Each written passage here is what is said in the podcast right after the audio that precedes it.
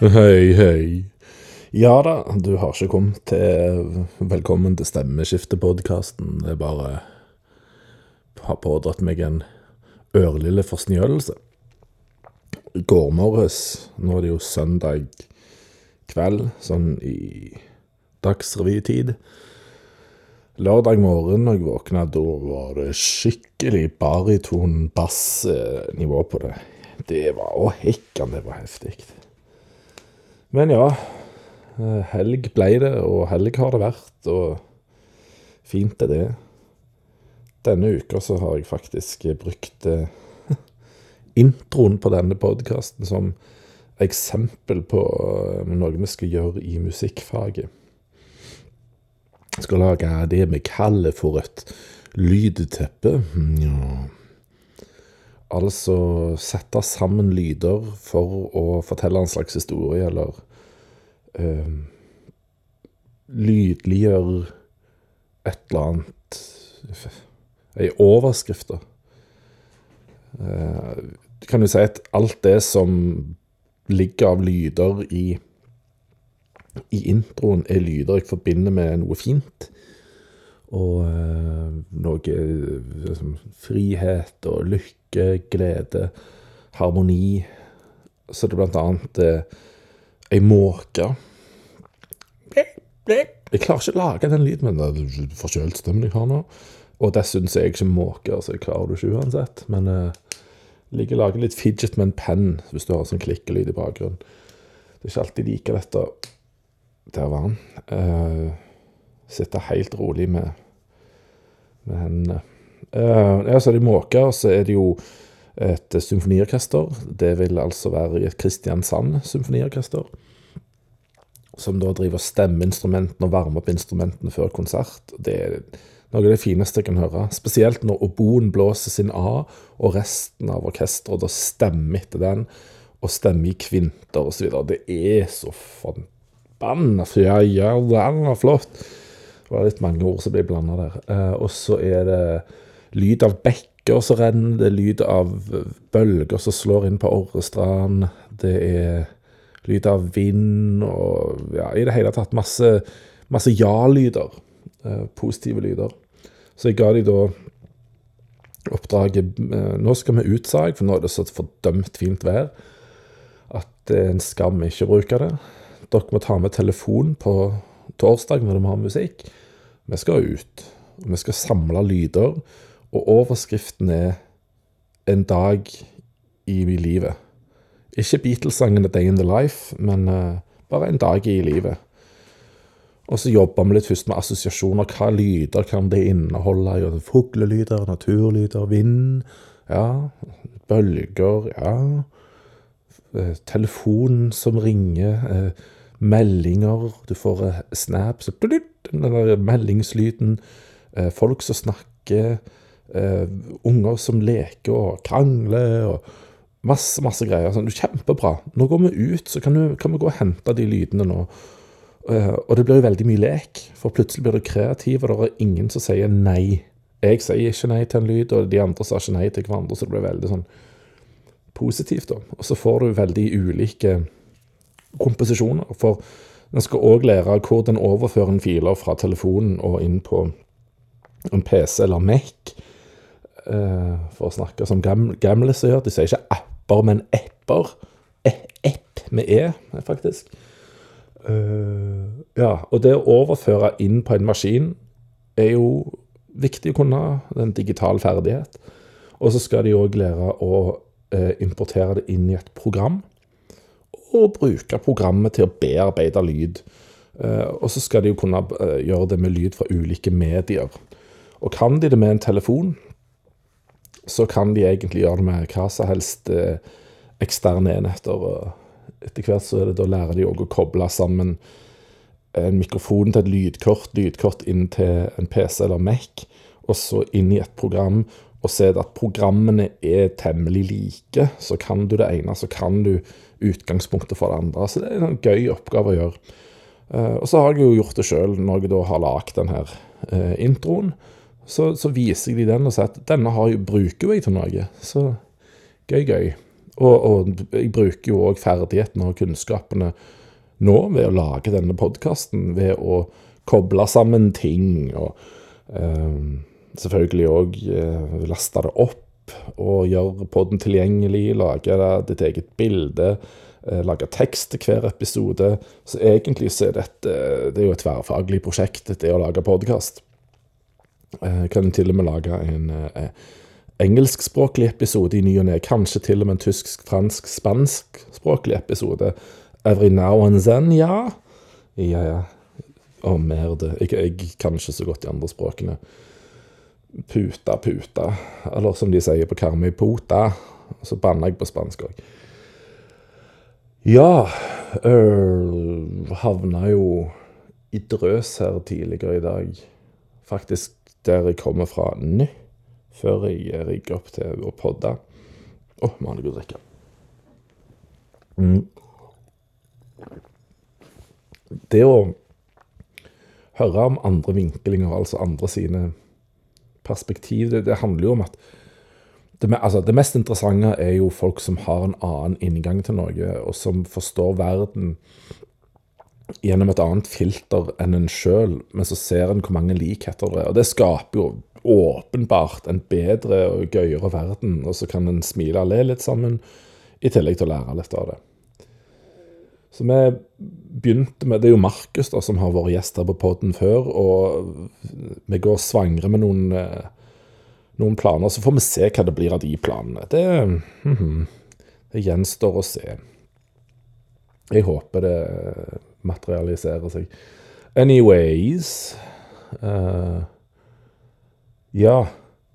Han, han, ser jo veldig verden gjennom kan man si, gastronomi eller smak og Ja, papillene, kan du si.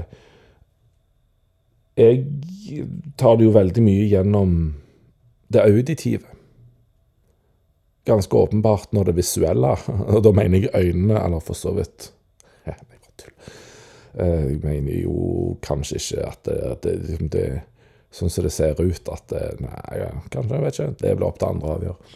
Men det visuelle, altså syn, det er jo ikke helt på topp hos meg, så jeg må jo kompensere med noe annet. Så da kompenserer jeg med det auditive. Dessverre så har jo det er òg noen feil og mangler. Så jeg har jo tinnitus og nedsatt hørsel i talesegmentet. Så sier jeg 'hæ', så er det ikke fordi jeg uh, later som jeg ikke hører det. det. Jeg hørte ikke hva du sa. Da er det bedre å si det på ny enn at jeg skal prøve å gjette på hva du sa. For da kommer jeg alltid til å ta det morsomste og mest absurde uh, betydningen av det du sa. Uh, og da, da, da, blir det veldig, veldig rart. Det er gøy for meg, da. men, men Markus ser jo Eh, veldig verden Nå kan jeg ikke snakke. Veldig verden Verden veldig gjennom smaksreferanser, og bruker den styrken nå som man òg studerer pedagogikk og skal ha praksis og planlegge eller forberede timer. Så bruker han jo den her eh, styrken sin som han har gjennom eh, los papillos, papillos eh, altså smak eh, og mat for det, det, er jo forskjell på å spise og smake noe, og det, det var noe vi snakka om da. Vi kom inn på dette med hvor mange grunnsmaker det er. For det de, han har en foreleser som han hadde lyst til å arrestere på, men han gjorde det ikke. Når han sa det finnes fire grunnsmaker. Nei, det gjør det ikke. Det finnes i alle fall fem.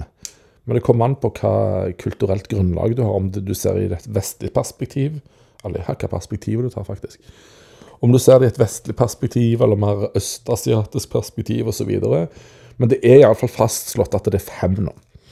Eh, det er faktisk noen som snakker om at det er en sjette. At faktisk fett kan være en grunnsmak. Men det vet vi ikke ennå. Det gjenstår å se, det òg. Det gjenstår å se DEFG og Ja. Hmm. OK, digresjon i hodet mitt. Um, ja. Og så kom vi inn på dette da med, med umami. For når du ikke vant når du, når du, ikke kjenner til den femte smaken, for du kan lett gjenkjenne syrlig smak. Det er bare å si eh, sitron. OK, syrlig. Jo, men det finnes andre eksempler òg på syrlig. Det er fordi det finnes ikke en eh, sånn sett rent syrlig. Du har en smaksreferanse, et smaksbilde, der det syrlige dominerer. Men ja. Syrlig er iallfall eh, den følelsen du får når du spiser en sitron, den følelsen du får når du spiser en lime, f.eks., og hele trynet ditt krøller seg litt. Ok, Det er litt interessant det jeg sier nå, for dette har litt med poeng å gjøre, eh, som kommer senere. Uh, og det, det, var noe jeg forsto gjennom samtalen da, som vi hadde om dette. at hey, mm -hmm. uh, Og så har du søtt. Ja, smaksbildet inneholder jo mer, men i smågodt f.eks. så er det veldig reindyrka på det søte.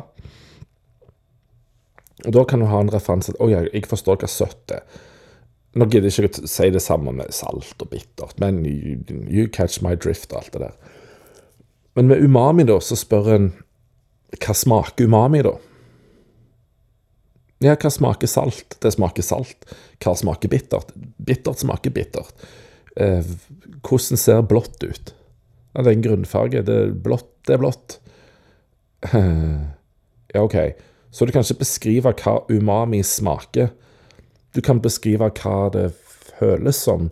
Hvis du ikke har smakt umami, så, du, så vet du ikke at du har smakt det. OK, hvis du ikke har smakt det, så vet du at du ikke har smakt det. Men da hadde du heller ikke visst om du smakte det. Så, Det er fordi du ikke har noen referanser til det. Hvis du beskriver hva um, en eller annen sopp smaker, si snjampinjong Um, så beskriver du smaksbildet, og så, du, og, så, og så, smaker det noe sånt, men jeg vet ikke hva det er. Ja, OK, men det er umami. Og da vil en gjerne sagt Å, er det sånn det føles? Mm -hmm. Så en smaksopplevelse er mer enn bare smak. Det er en hel opplevelse, for det er tilknytta følelser. Så umami er en følelse, salt er en følelse, søtt og bittert og syrlig er en følelse. Fordi papillene er følelsesceller som plukker opp kjemiske stoff, kjemiske signaler, kjemiske koder. Og, og, dekoder de til en følelse. Um, øynene våre via stapper og taver Stapper og taver, ja. Tapper og staver, takk den dagen i dag. De føler jo elektromagnetisk stråling i et spekter fra uh, ja, Det elektromagnetiske spekter Hvitt lys, heter det. Uh, de oppfatter de, de føler de frekvensene som ligger innenfor hvitt lys, og de fortolker de til et bilde, et visuelt bilde, eh, som ingen oppfatter helt likt, men relativt likt. Eh, noen ganger så har det visuelle bildet overvekt av blå farge, sånn som den buksa jeg ser på nå, har overvekt av blå farge. Da er de andre skrudd vekk. Og så ser jeg på en annen ting som har overvekt av rød farge. Og så ser jeg på noe som gjerne har en blanding av blå-rød eller eh, blå-gul, osv. Derfor skriver vi jo òg fargekoder. Da har du jo heksadesimalsystemet. Du har altså 16 symbol. Eh, 16 bits, kanskje, blir det. eller? Jeg vet ikke hvordan det funker. Hva bits eh, Iallfall når du skriver en heksadesimalkode på farge, så er det seks posisjoner du skal fylle ut et symbol på, fra 0 til F. Altså fra 0 til 15. Det vil si 16 størrelser. 1 til 15 er 15, legg til 0, og du har 16. Ok, Så det betyr at du kan kode enhver visuelle uh, erfaring, kan du si. Hver piksel kan du avkode med en heksadesimalkode med seks uh, posisjoner, seks siffer. OK. Hvis du da setter sammen alle de pikslene og zoomer ut, så får du et visuelt bilde, et synsbilde. da kan du gjøre det samme med smak. da. Du kan avkode det i en heksadesimalkode med seks posisjoner, seks siffer. Eh, og så kan du se hva hver eneste bestanddel, hver piksel i det smaksbildet gjør. Så kan du zoome ut og si sammensatt så blir det dette. Derfor, som et visuelt bilde kan ha overvekt av blått, kan da et smaksbilde ha overvekt av umami. Blå gir deg en følelse. Når noe er overvekt av blått, så gir det deg en følelse. Når noe er overvekt av grønt, så gir det deg en følelse. En viss balanse i farger og, og hm, varme i farger hvis du ser på alle parametrene kan gjøre noe med i farge, i tillegg til selve fargekoden, så ser du at farge er ikke bare farge. Det handler om hvordan du opplever fargen. Og opplevelse er jo noe subjektivt. Det er altså følelser. Så smak er da en følelse, og farger er en følelse. Så visuelt sett så kan du si synssansen din er en form for følelse, for cellene føler elektromagnetisk stråling i hvitt lysspektrumet. Og eh, eh, Papillene dine er sanseceller som føler smaker av forskjellige typer. Eh, søtt, salt, syrlig, bittert, umami og, og, kanskje flere. Det vet vi jo ikke ennå, men får, det gjenstår å se det EFG. Uh, og derfor er òg hørsel en form for følelse, for det Hørselssansen din den består bare av celler som føler bølgelengder av lyd, altså uh, frekvenser som er fortetning og fortynning av luft uh, og, og trykk. Det føler de, og så blir det omkoda til en følelse følelse? Jo, jo, fordi hvis du blander sammen klangen til visse lyder og frekvensene og kombinasjoner av frekvenser av bestemte eh, lyder og, og klanger osv., så, videre, så har vi et symfoniorkester. Framkaller det følelser? Oh, fuck yeah. Um, et black metal-band. Det definitivt framkaller følelser hos deg. Den kombinasjonen av de lydene, alle de lydene, skal du òg kunne da bruker det samme eh, kvantifiseringa på som med farge, at du kan skrive en hekskode eh, med seks posisjoner, seks siffer, eh, så du kan avkode hver eneste ting i det. Men det er det vi har lydbølgene til. sant? Eh, og det samme med lukt. Lukt skal òg sånn sett være mulig å kvantifisere og kode ned til en hekskode med disse her seks sifrene. OK. Men da er jo Der kommer det. Gjennom Markus' et perspektiv på å liksom forstå verden mye gjennom smak, og sammenligne andre sanselige opplevelser, som jeg gjerne har musikk, mot han med smak, så eh, Så ser jeg at ei, det er jo egentlig den samme erfaringen her, den samme opplevelsen. Og opplevelse er jo et forbanna sentralt ord. Eh, fordi opplevelser handler om følelser. Ergo er alle sansene følelser, egentlig. Så du er en forvokst følelse Forvokst Alle er bare en enormt svær klump med følelser. Eh, og noen vektlegger gjerne én form for følelse. Noen har gjerne enormt god sånn, hva heller det, visuell persepsjon.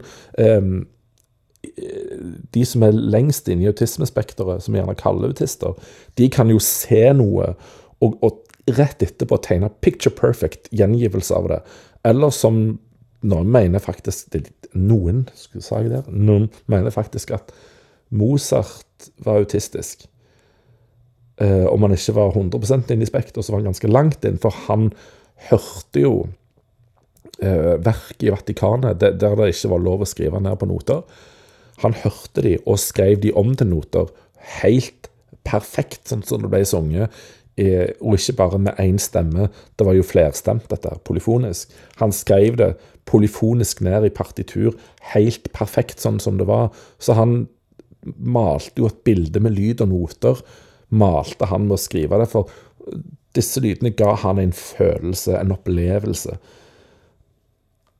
OK, så det da, jeg, da lanserte jeg til Markus eh, hypotesen om at egentlig så er bare det vi kaller for sanser, eh, som ikke er følelsessansen, det er bare underordna former og varianter av følelsessansen. da. Og Det er jo for så vidt interessant. Og bare for å vise hvor, hvor viktig opplevelsen er, fordi at én ting kan være det noe gjerne smaker i seg sjøl. Men som den episoden han var på poden, da tror jeg han fortalte han da at han og, og dama hadde vært på en pizzarestaurant der de hadde fått en helt nydelig pizza, men servicen hadde vært skitt. Og, og, hva vil du helst ha? Vil du ha en dårlig serviceopplevelse med god mat? Eller vil du ha en helt, helt ordinær matopplevelse? Eller eh, smaks... Å, herre. OK. Vil du helst ha en dårlig opplevelse når det kommer til service, og eh, kombinert med at det smaker helt fortreffelig? Eller vil du ha smak som er helt ordinær, som du egentlig kunne lagd hjemme sjøl, som vi ofte gjør, uh, går og spiser, eh, kombinert med en veldig god serviceopplevelse? Jeg tipper at alle, omtrent, omtrent alle, et stort flertall i hvert fall, ville valgt god serviceopplevelse og helt grei mat. Som enten er på nivå med det du kunne lagd sjøl, eller bitte, bitte litt over. Slightly bedre trenger det bare være. Fordi følelsene våre er så viktige. Vi, kan, vi isolerer bare, ikke bare ting til én følelse, som f.eks. smak. For da blir noe feil. Og, og så ga han et eksempel til. at hadde vært på en sånn Hesten Blumenthal-plass, et eller annet Flippen Burgers eller et eller annet sånn i Stockholm omstokk. Um, og smaksmessig så var alt riktig med burgeren, men opplevelsesmessig så var ikke burgeren bra fordi, som han sa, jeg kunne spist den uten tenner. Det, det var jo ikke tyggemotstand. Selv om smaken var den beste smaken jeg hadde hatt på en burger noen gang, så ser du at smaken stemmer, men det andre, det stemmer ikke. For emosjonelt så gjorde det ikke noe med deg. Eller eventuelt emosjonelt så gjorde det noe negativt med deg. Det viser jo at det er alltid et større bilde, da. Når du gjør et eller annet eh, og, og, erfarer et eller annet. Sånn som så her i går kveld. Jeg følger jo med på Jeg er så folkelig, vet du. Følg med på Stjernekamp. Og det er jo i utgangspunktet en sangkonkurranse, en auditiv konkurranse. Um, og i går så var en av sjangrene latinopop. Og så følger jeg med på det, og uh, sangkonkurransemessig så uh, var det vel hun som Mari, som sammen med Alexander var best, og de andre to var helt ordinære på, på det sangtekniske på latinopop og ferdig med det. Og så satt jeg og tenkte sånn Her hører jeg hva dommerne sier. Og parallelt med det satt jeg òg, bare for å se om det var en diskrepans, så dette for å snakke lite folkelig For å se om det var en sammenheng mellom det dommerne sa, og det de terningtrillerne på nrk.no skrev. Så fulgte jeg med på det parallelt. Og det var en viss diskrepans kan en si. Det var litt sprik mellom det. Det jeg syns var interessant, er at um, Alejandro Fuente, uh, som, en, som en av dommerne, han snakka om uttale av spansk. De var veldig på uh, Hun ene i uh, dommerpanelet snakka om uh, flørting med kamera, og de snakka om bevegelser det ble kommentert mye dansing og bevegelse blant de som triller terninger òg. Altså anmelderne. Så tenkte jeg, men her er ikke dette en sangkonkurranse? Uh -uh, nei. Fordi det er en opplevelseskonkurranse. Og når du skal føle kan du si, et måltid av den typen, så er du ute til den type opplevelse. Når du skal føle en framførelse av latinopop, så er det ikke bare det rent sangtekniske. For da blir det som på denne burgeren jeg snakker om, at du fokuserer kun på smaken og ikke konsistensen. Eller du fokuserer kun på, um, på maten og ikke servicen. Men du må ta helheten med, for det å gå på restaurant. Det er en opplevelse. Det er ikke bare mat. Uh, bare for å ta enda en sånn parallell, da. Hvis du Å gå på McDonald's-restaurant har jo noen parametere som alltid skal være der. Det er forventninger som ligger til det. Det er jo en franchise-greie. Franchise er det med E eller A? Franchise, franchise, fran franchise. Jeg vet da faen. Det er vel A, franchise. Det er fra France Nei. Ja, ja, anyways. Um, poenget med det, med det, er jo at det, uansett hvor det går i verden, så skal burgerne være like. Sånn som Subway de sier jo hvor mange oliven skal du legge på, hvor mange agurker skal du legge på, hvor skal du legge dem på. Så det, alt er kvantifisert. Og det er for at uansett hvor du går inn på Subway i verden, uansett hvor du går inn på McDonald i verden, McDonald, så skal det være likt. Du skal vite hva du får. Men likevel, i samme by, så kan du velge å gå på restaurant, Donald-restaurant B og ikke A. Fordi at den ene gangen du var på A, så lukta det spy fordi en unge hadde spydd for en time siden. Mens på den andre, der det har vært ti ganger, har det aldri så langt lukta spy. Spørsmålet er da hva gjør du hvis du den ellevte gangen da, lukter det spy, slutter du å gå der og prøver den andre igjen, da? Og så lukter det ikke spy der, og så ei, fortsetter du å gå der. Men der ser du hva hva det andre har å bety for din vurdering og bedømmelse av opplevelsen av å gå der, for smaken er jo lik hver gang. OK, gitt da at to utøvere, si Mari Alexander i dette her Stjernekamp Sangteknisk sett så er de like briljante. Hvem skal du da sende videre? For sangkonkurransen ferdig. De sang like bra. Det er 1-1. Vi klarer ikke å avgjøre. Begge må gå videre. Da ser du at det er en opplevelseskonkurranse. Opplevelsen av latinopop Det er noen kjennetegn på den uttrykksformen, eller njangeren, som noen kaller det. Det er noen kjennetegn på det. Blant annet da, når du har et kamera der, eller publikum har jo to kameraer, eller ja, øyne, da. Eh, og vi har ører. Men tenk det visuelle nå. Flørt med kamera. Ja, du skal flørte med publikum, være litt sensuell som dette. OK, det er et kjennetegn på det.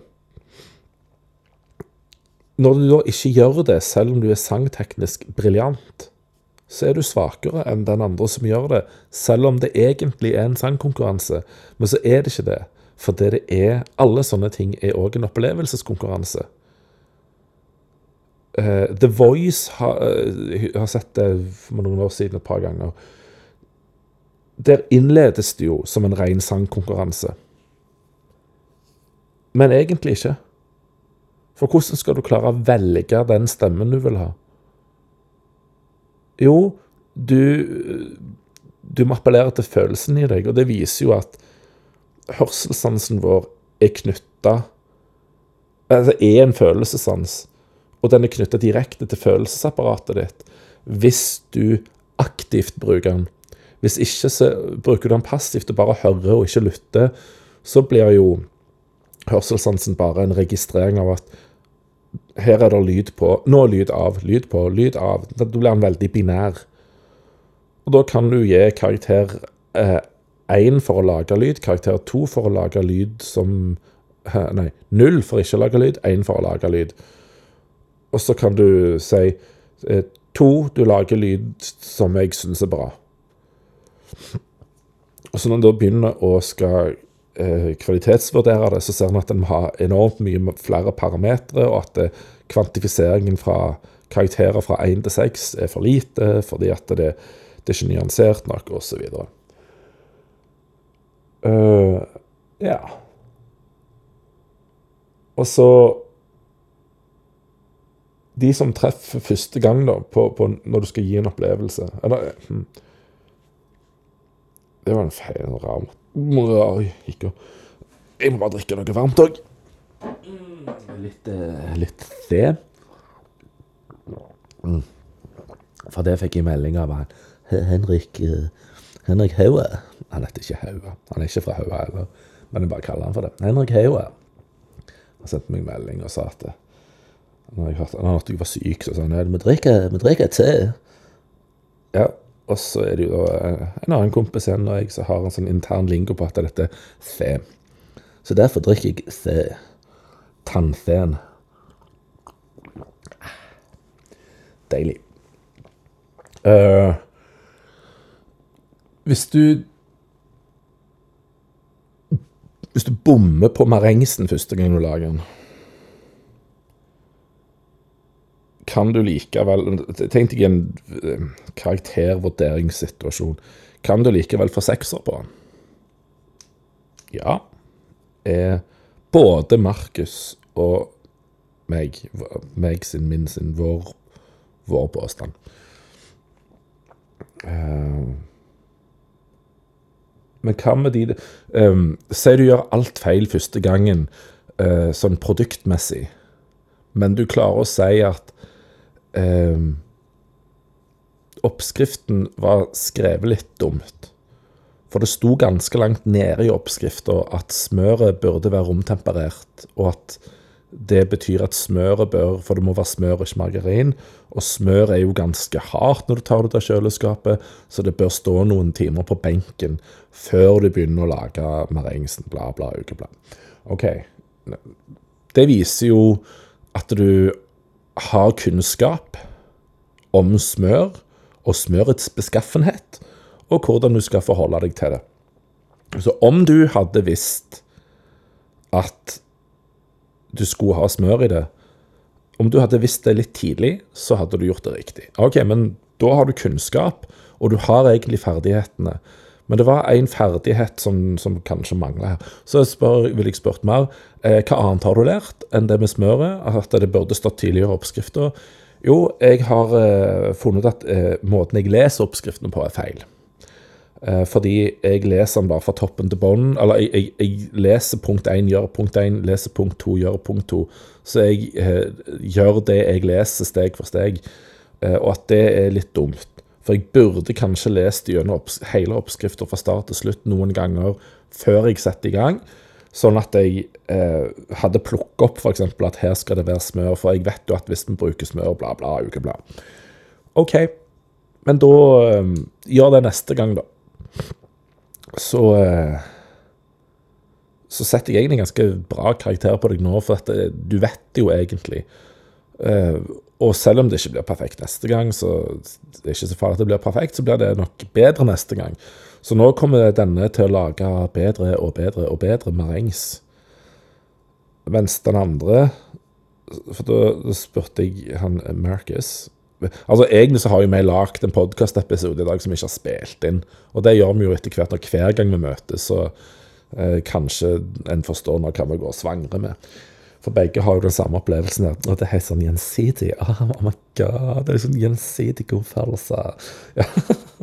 Koselig. Markus er en meget bra fyr. Så skryt og kudos der. Hvis du hører det, Markus, you are so good. Så jeg håper vi får til det vi har snakket om. Anyways.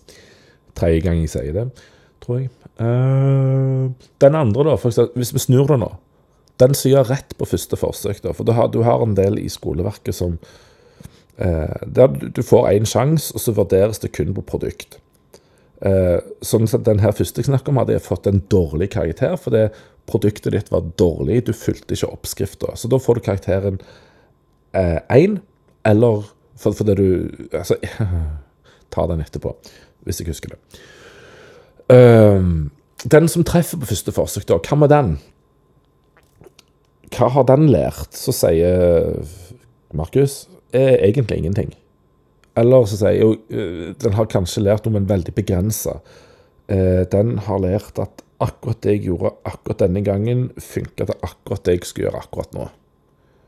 OK, sånn, den, den har hatt flaks egentlig? Ja, for den visste egentlig ikke hva den gjorde. Det viste seg at det var flaks å få det så bra til som den gjorde, når den fulgte oppskriften til punkt og prikke, og det likevel ble bra. Da har du hatt flaks. Men du vet ikke at du har hatt flaks, så du har hatt metaflaks. Du, du har hatt flaks med flaksen din, eh, kan du si. Eh, så noen hadde da gitt denne god karakter på den ene opplevelsen. Men det du skal gjøre da, i stedet for, det gir de flere sjanser. For eh, som han fortalte sjøl, et tilfelle der han hadde lagd makroner som var Første gang han lagde det helt perfekte, mens neste gang jeg var ikke det i det hele tatt. OK, så han hadde flaks, og metaflaks kanskje, første gangen, for han hadde flaks med flaksen sin. Eh, og neste gang så hadde han ikke flaks med flaksen sin. Da hadde han uflaks med flaksen, fordi han gjorde det samme som forrige gang, men det ble dårlig. Så det betyr at han hadde metaflaks første gang. Han hadde flaks med flaksen sin. Uh, og det betyr at da må du teste flere ganger for å spørre Men hva gikk galt denne gangen? Hva gjorde du hva var det som gikk galt nå som ikke gikk galt første gangen, og hvorfor gikk det bra første gangen? Alt det der. Du må få en samtale rundt en metasamtale. Og en eh, metalæringssamtale, alt det der. Fordi her, her, kan det gå i to ganske ulike forløp. Eh, den som hadde metaflaks, mye metaflaks første gangen, der kan det bare egentlig gå nedover. Mens for den andre kan det bare gå oppover. Den kommer til å lage bedre og bedre og bedre eh, marings, som var eksempel her, da, hver gang. Fordi den, oi, den er bevisst hva den gjør. Den tenker gjennom hva den gjør, og kan si og ha et visst blikk på sjøl hva det var jeg gjorde. Og fordi du er klar over det, så har du kunnskap, ferdigheter og holdninger som skal til da vet jeg at egentlig så er du en sekser allerede. Du har vist meg det du trenger for å bli den sekseren. Nå trenger du bare tid. Ehm, jeg kan få til alt jeg vil, gitt at jeg har nok tid til det. For jeg er i stand til å ha en metavurdering altså, ja, en metavurdering, en vurdering av vurderingene hos meg sjøl, og en vurdering av mine ferdigheter og kunnskaper. Hva skal til for at neste gang så gitt at jeg vil gjøre dette igjen. Hvis jeg skulle blitt bedre neste gang, så bør jeg nok gjøre noe med dette. Det er jo det som er tegnet på at du har en tydelig sekserkandidat i deg. For gitt tid så kommer du til å klare det. Og sett at du sitter i mai, når en elev går i tiende, da. Og hvis jeg hadde hatt et halvt år til med deg, sånn i september, da vet jeg at du hadde klart dette. Men det har ikke jeg tid til nå, for nå må jeg sette en karakter på deg nå. Da setter jeg likevel en sekser. For det jeg hører hos deg nå, det er at du egentlig har det. Mens er andre som bare hadde flaks og skulle bli verdensmester på første forsøk. Ja, den hadde flaks, den. Men egentlig så er ikke det en sekser. Så den som vurderer produkt, vurderer feil. Den vurderer produktet, og ikke eleven. Men vi skal ikke ha en produktvurdering, vi skal ha en elevvurdering. Så egentlig så så jeg at det, den samtalen vi hadde, egentlig hang sammen med alt. Eh, fra vi starta med dette med at alt er følelser, alle sanser er følelser.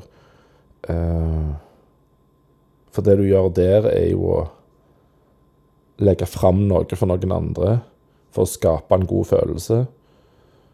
Eh, og det gjør du i en samtale med eleven òg. For i den metasamtalen så er din oppgave når den samtalen er ferdig, og den interaksjonen med den andre personen, for mitt vedkommende eleven i dette tilfellet, så skal eleven Målet med hele greia er jo at eleven skal sette inn en god følelse. Eh, og det gjør du når du både innholdsmessig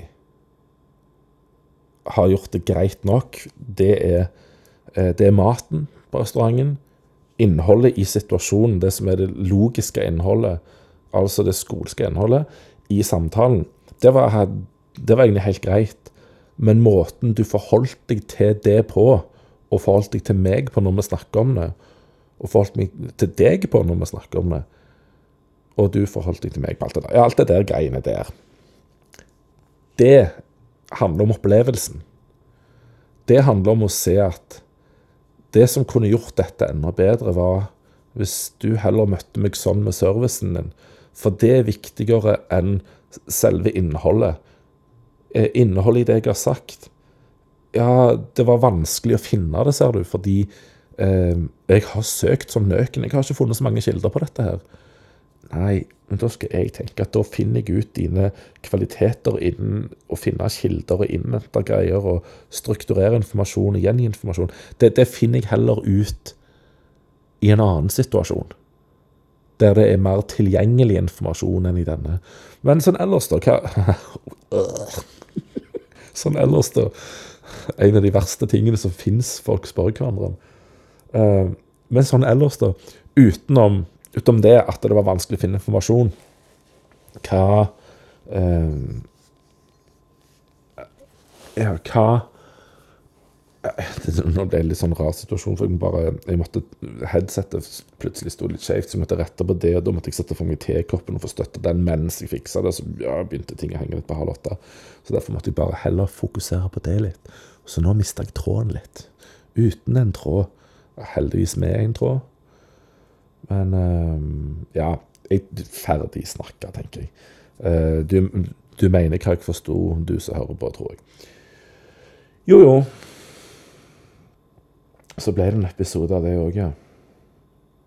Det er av ting jeg har tenkt jeg har lyst til å snakke om, men det, det kommer. Uh, og så var det òg uh, forrige uke, tror jeg det var, så møtte jeg òg Ja, det var forrige uke siden. Så møtte jeg òg Markus, og da kom vi i snakk om dette her med eh, å føre en monolog sånn som dette og at det er vanskelig. Liksom, ja, han får det ikke til, og det er ikke helt hans greie. Altså, jo, sier jeg, det, det, er klart det det. Um, og det, det, er lett å si at det, det ikke er de greia, men det er bare fordi du ikke har erfaringer på det.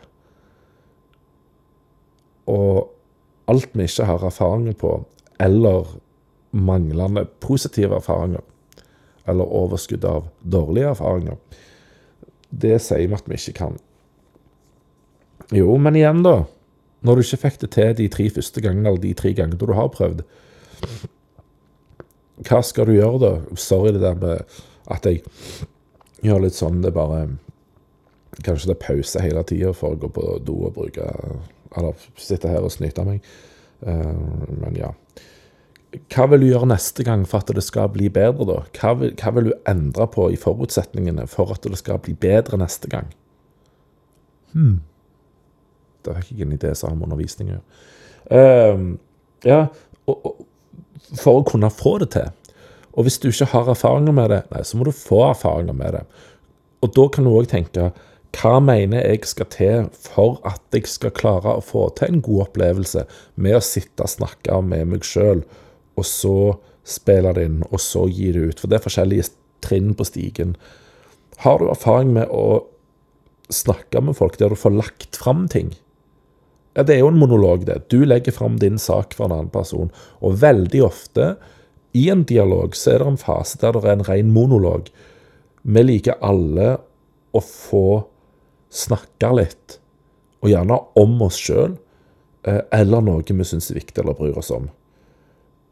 Litt rart når vi må ha en samtale om noe vi egentlig ikke bryr oss om, men da handler det om at da må du forberede deg, så må du gjøre noen notater, sånn at du kan holde tråden i det innholdet.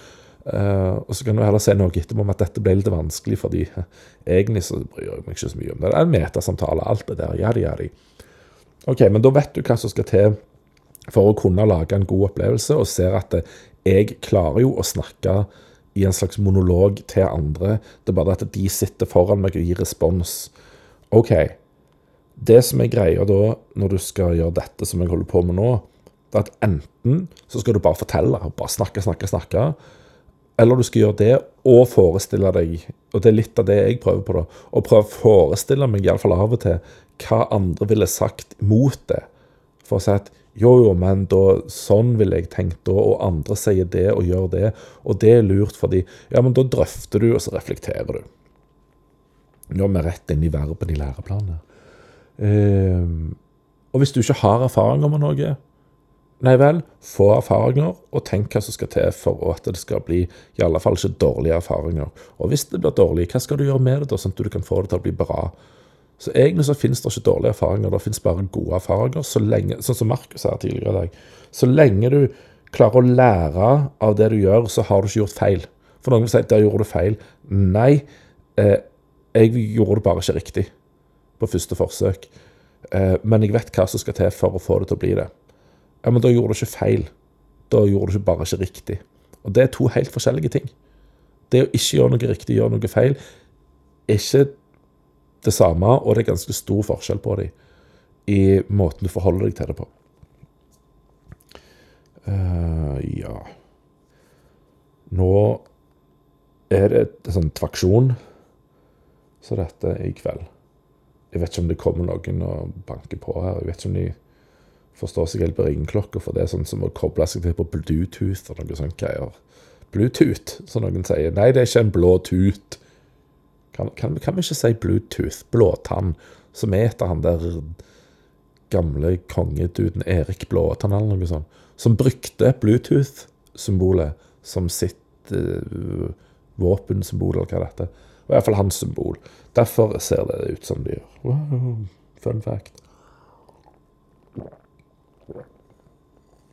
Det var den them. Den gode them. OK.